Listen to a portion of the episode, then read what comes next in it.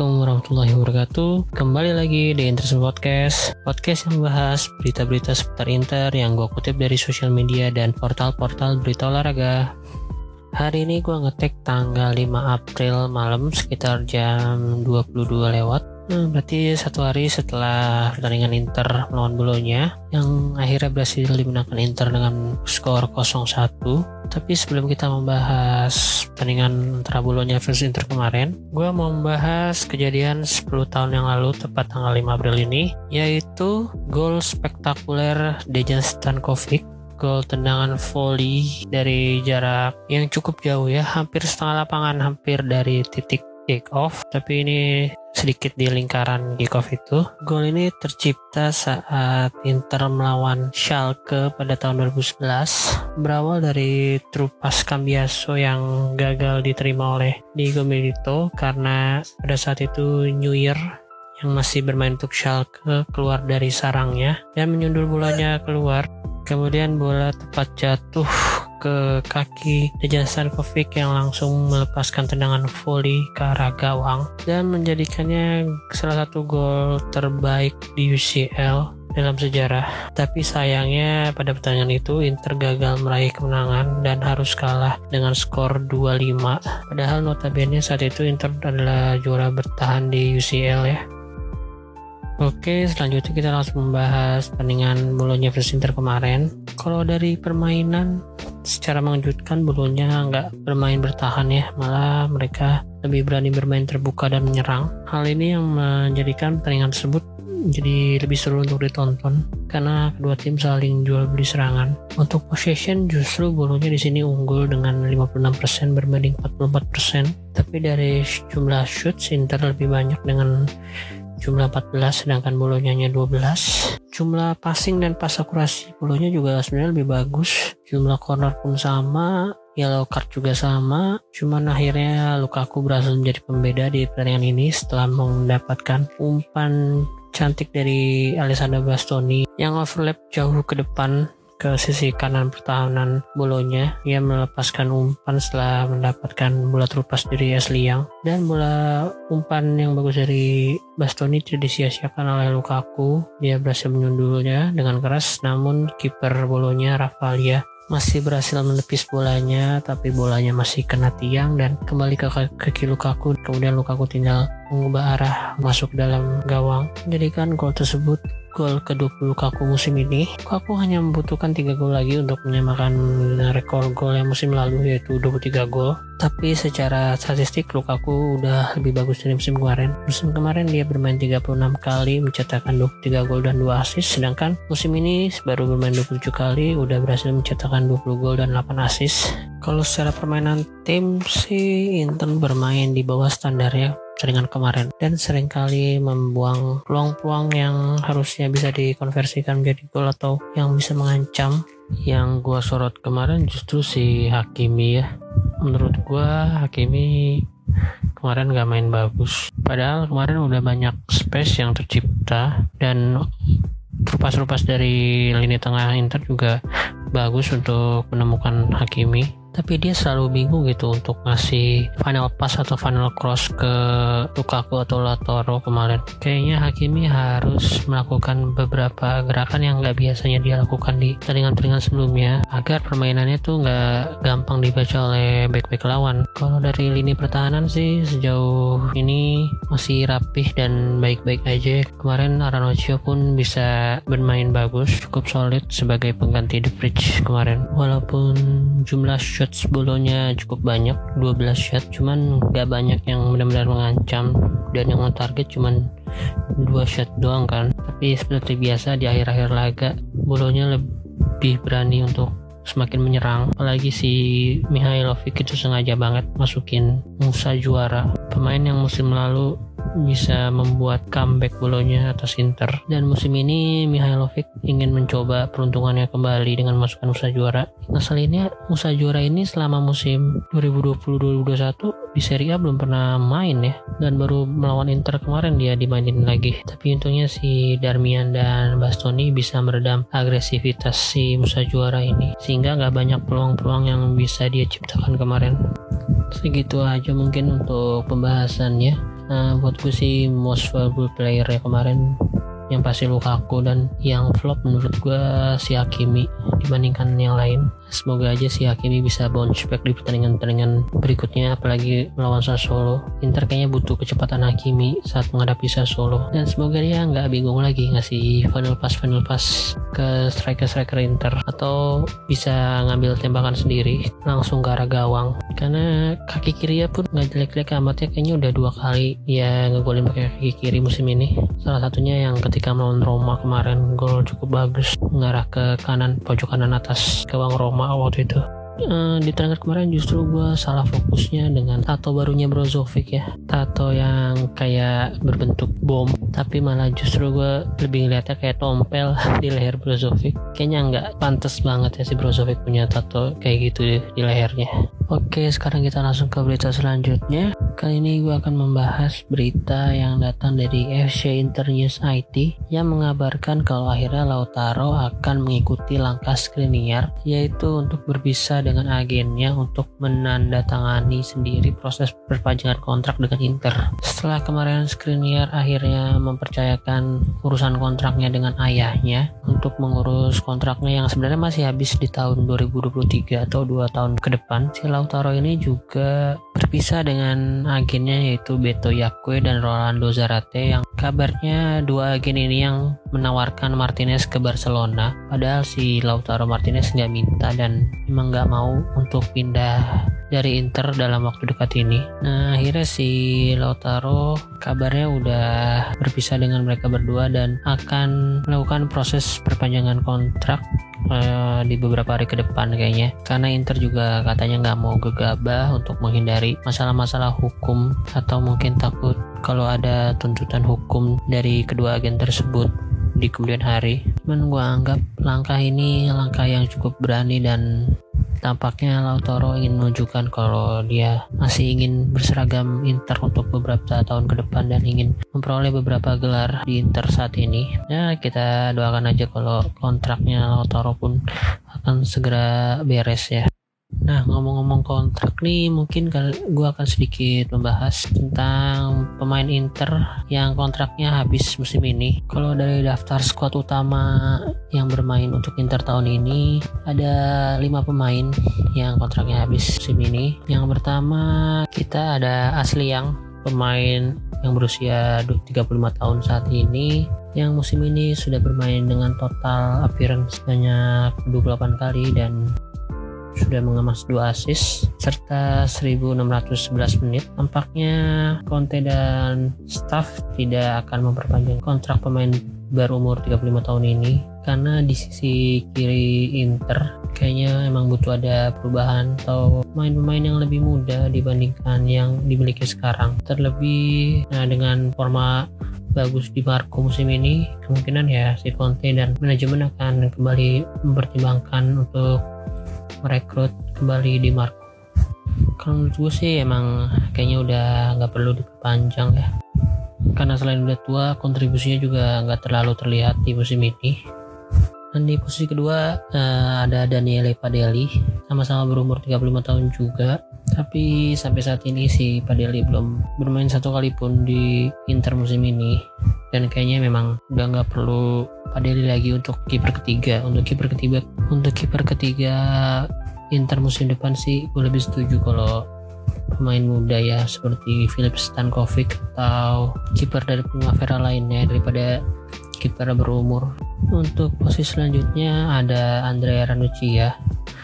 Pemain berumur 33 tahun ini sejauh ini kayaknya sih udah sebenarnya dia udah berhasil menjadi backup yang bagus untuk Stefan De Vrij di lini tengah pertahanan Inter. Sejauh ini si Rancio udah bermain sebanyak enam kali dan mengemas satu assist di seluruh pertandingan dan menitnya udah 554 menit. Yang menarik selama Rancio bermain di musim ini Inter belum sekali pun menderita kekalahan. Rekornya lima kali menang dan satu kali imbang. Kayaknya sih manajemen juga masih akan mempertimbangkan beberapa hal untuk memperpanjang kontraknya Ranocchia atau tidak. Karena untuk backup sih sebenarnya Ranocchia uh, pemain yang bagus. Cuma nampaknya Inter juga mempertimbangkan untuk peremajaan squad. Lagi kabarnya uh, Zino Van akan kembali ke Inter musim depan. Dan kayaknya Van juga bisa jadi backup yang cukup bagus untuk leverage kalau diberi kesempatan. Oke okay, langsung aja kita ke nomor 4 sekarang ada Alexander Kolarov pemain yang baru aja bergabung dengan Inter musim ini. Saat ini udah berusia 35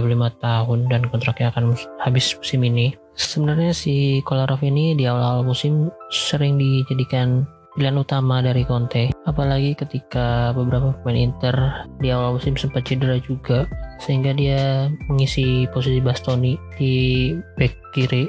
Kayaknya sih Conte juga sebenarnya butuh pengalaman Kolarov di lini pertahanan dan butuh center back yang berani memberikan long ball atau true pass true pass ke lini depan langsung ke lini depan Inter. Dan tampaknya sekarang Bastoni udah berhasil untuk melakukan hal-hal itu. Sejauh ini Kolarov sudah bermain se 11 kali di seluruh pertandingan Inter musim ini dan baru mencatatkan satu assist dan menit bermainnya sekitar 712 menit. Kolarov ini sudah jarang bermain setelah setelah menderita atau terjangkit virus COVID di awal musim sekitar bulan November kemarin dan tampaknya juga sering mengalami masalah-masalah seperti kelelahan otot dan sebagainya. Seperti di pertandingan kemarin melawan Bolonya pun namanya nggak masuk dalam squad karena sebelum pertandingan dia mengalami cedera kelelahan otot.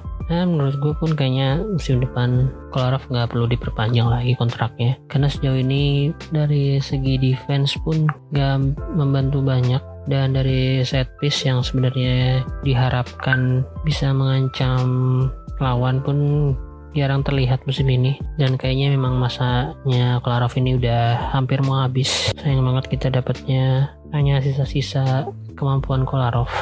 Oke, di nomor terakhir nomor 5 ada Danilo D'Ambrosio yang saat ini sudah pulih baru aja pulih dari virus COVID-19. Pemain ini sudah berusia 32 tahun dan sudah berseragam Inter dari tahun 2014 di Inter Transfer tahun 2014 Januari tanggal 30 tepatnya dan dari kelima pemain yang gue sebutin tadi Danilo D'Ambrosio ini adalah satu-satunya yang tampaknya akan diperpanjang kontraknya oleh manajemen Inter. Walaupun secara menit bermain hanya 711 menit sejauh ini, nggak beda jauh dari Kolarov dan baru bermain 19 kali di seluruh pertandingan Inter musim ini. D'Ambrosio sudah berhasil mencetakkan 3 gol, semuanya di Serie A. Tapi dua gol di antaranya ya sangat penting ya dua gol itu ya pertama ketika pertandingan pertama lawan Fiorentina yang berhasil dimenangkan Inter dengan skor 4-3 dan ketika melawan Cagliari, D'Ambrosio juga berhasil mencetakkan gol di menit-menit krusial hampir mendekati menit ke 90 ya Ambrosio ini juga sebenarnya juga sering jadi juru penyelamat Inter selain Vecino ya karena Vecino juga belum banyak bermain musim ini. Dan keputusan manajemen untuk memperpanjang kontraknya ini sih gue juga setuju setuju aja ya karena secara kepribadian pemain ini pun bagus di klub Inter. Nggak banyak neko-neko dan gajinya pun nggak terlalu tinggi. Dan yang paling penting dia mau jadikan backup untuk Skriniar maupun Hakimi. Ya karena dia juga cukup versatile.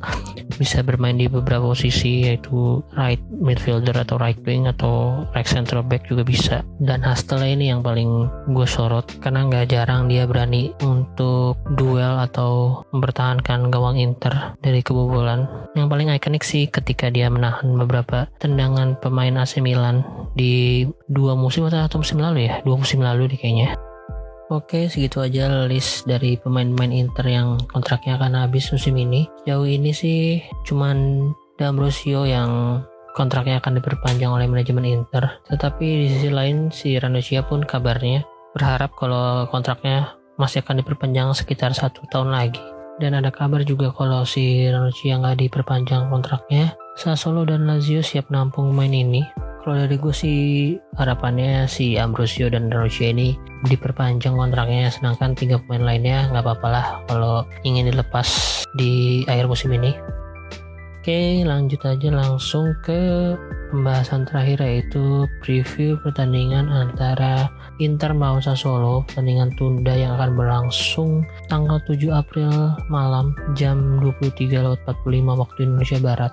Di pertandingan ini Inter sudah dipastikan tidak akan diperkuat oleh Marcelo Brozovic dan Alessandro Bastoni yang mendapatkan akumulasi kartu kuning di pertandingan sebelumnya kalau menurut gue sih posisi yang ditinggalkan Bastoni kayaknya mending diisi Skriniar dan posisi Skriniar diisi D'Ambrosio. Daripada kalau posisi Bastoni harus diisi oleh Kolarov kayaknya akan riskan. Karena tim Sassuolo ini juga permainannya cukup cepat dan tampaknya Kolarov akan kesulitan untuk menghadapi kecepatan-kecepatan pemain Sassuolo atau kalau D'Ambrosio belum siap untuk bermain karena baru pulih dari COVID, kayaknya lini belakang itu mending diisi oleh The Fridge di sisi kanan, Lanuccia di tengah, dan Skriniar di kiri daripada harus gambling dengan memainkan Nikola Raf di sisi kiri pertahanan Inter.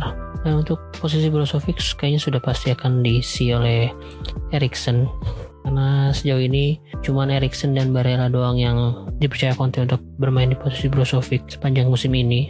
Dan sisi kiri Inter maksudnya sisi kiri tengah Inter di LCM kayaknya Vidal akan kembali bermain setelah namanya kemarin ada di bangku cadangan ketika melawan Bolonya. Kayaknya trio Barella Erikson Vidal harusnya sih udah cukup bisa untuk meredam ini tengah Sassuolo yang kabarnya si Locatelli pun akan kembali bermain setelah kemarin lawan Roma. Dia sempat tidak diturunkan. Untuk sisi wing sih di kanan gue tetap percaya dengan Hakimi yang harusnya dia akan berusaha untuk comeback atau bounce back dari penampilan-penampilan buruk sebelumnya. Dan sisi kiri tetap diisi yang kayaknya karena Perisic belum sembuh total dari cedera kelelahan ototnya kemarin. Dan sisi penyerang gue tetap percaya dengan Lukaku dan Lautaro untuk bermain dari awal laga. Kalau di sisi Sassuolo sendiri tampaknya si Caputo dan Berardi masih diragukan tampil. Karena kondisinya mungkin belum 100% siap untuk bertanding Selain dua nama tersebut juga ada Devrel yang saat ini juga masih menepi karena cedera. Gua harap sih dengan kehilangannya tiga pemain Sassuolo ini Inter bisa memanfaatkan kondisi tersebut. Harusnya sih Inter bisa mengamankan tiga poin, apalagi karena bermain di kandang sendiri dan itu akan sangat menaikkan kepercayaan diri tim lagi karena kalau menang lawan Inter eh lawan Sassuolo besok jarak antara Inter dan Milan di posisi kedua akan menjadi 11 poin dengan jumlah pertandingan yang sama. Kalau dari prediksi gue sih kayaknya Inter nggak akan terlalu kesulitan untuk menghadapi Sassuolo. Prediksi gue sih akan menang dengan skor 2-0 atau 3-0 lah.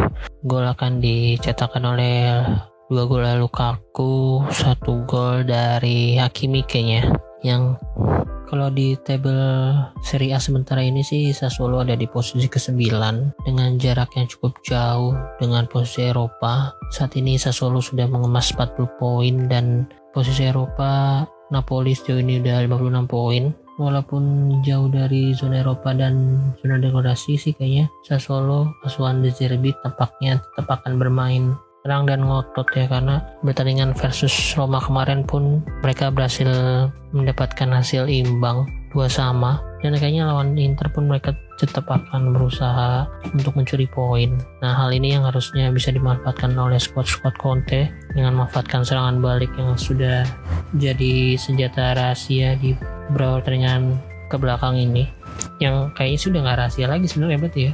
Tapi Inter juga nggak bisa langsung meramaikan Sassuolo karena masih ada nama-nama seperti Jeremy Boga dan Manuel Locatelli yang sebenarnya secara skill dan kemampuan cukup bagus. Apalagi di musim kemarin Jeremy Boga hampir anjak comeback tuh setelah bisa merepotkan Lazaro di sisi kanan Inter Oke, sekian pembahasan dari gua kali ini. Terima kasih untuk teman-teman yang udah mau mendengarkan. Dan jangan lupa untuk di share dan follow kalau kalian suka Interisme Podcast ini. Dan bagi kalian yang mau memberikan saran atau topik-topik yang ingin dibahas boleh langsung melalui reply di Twitter atau DM juga boleh. Dan kalau ada informasi yang kurang tepat atau keliru mohon dimaafkan dan boleh dikoreksi juga. Sekali lagi terima kasih. Arif Forza Inter.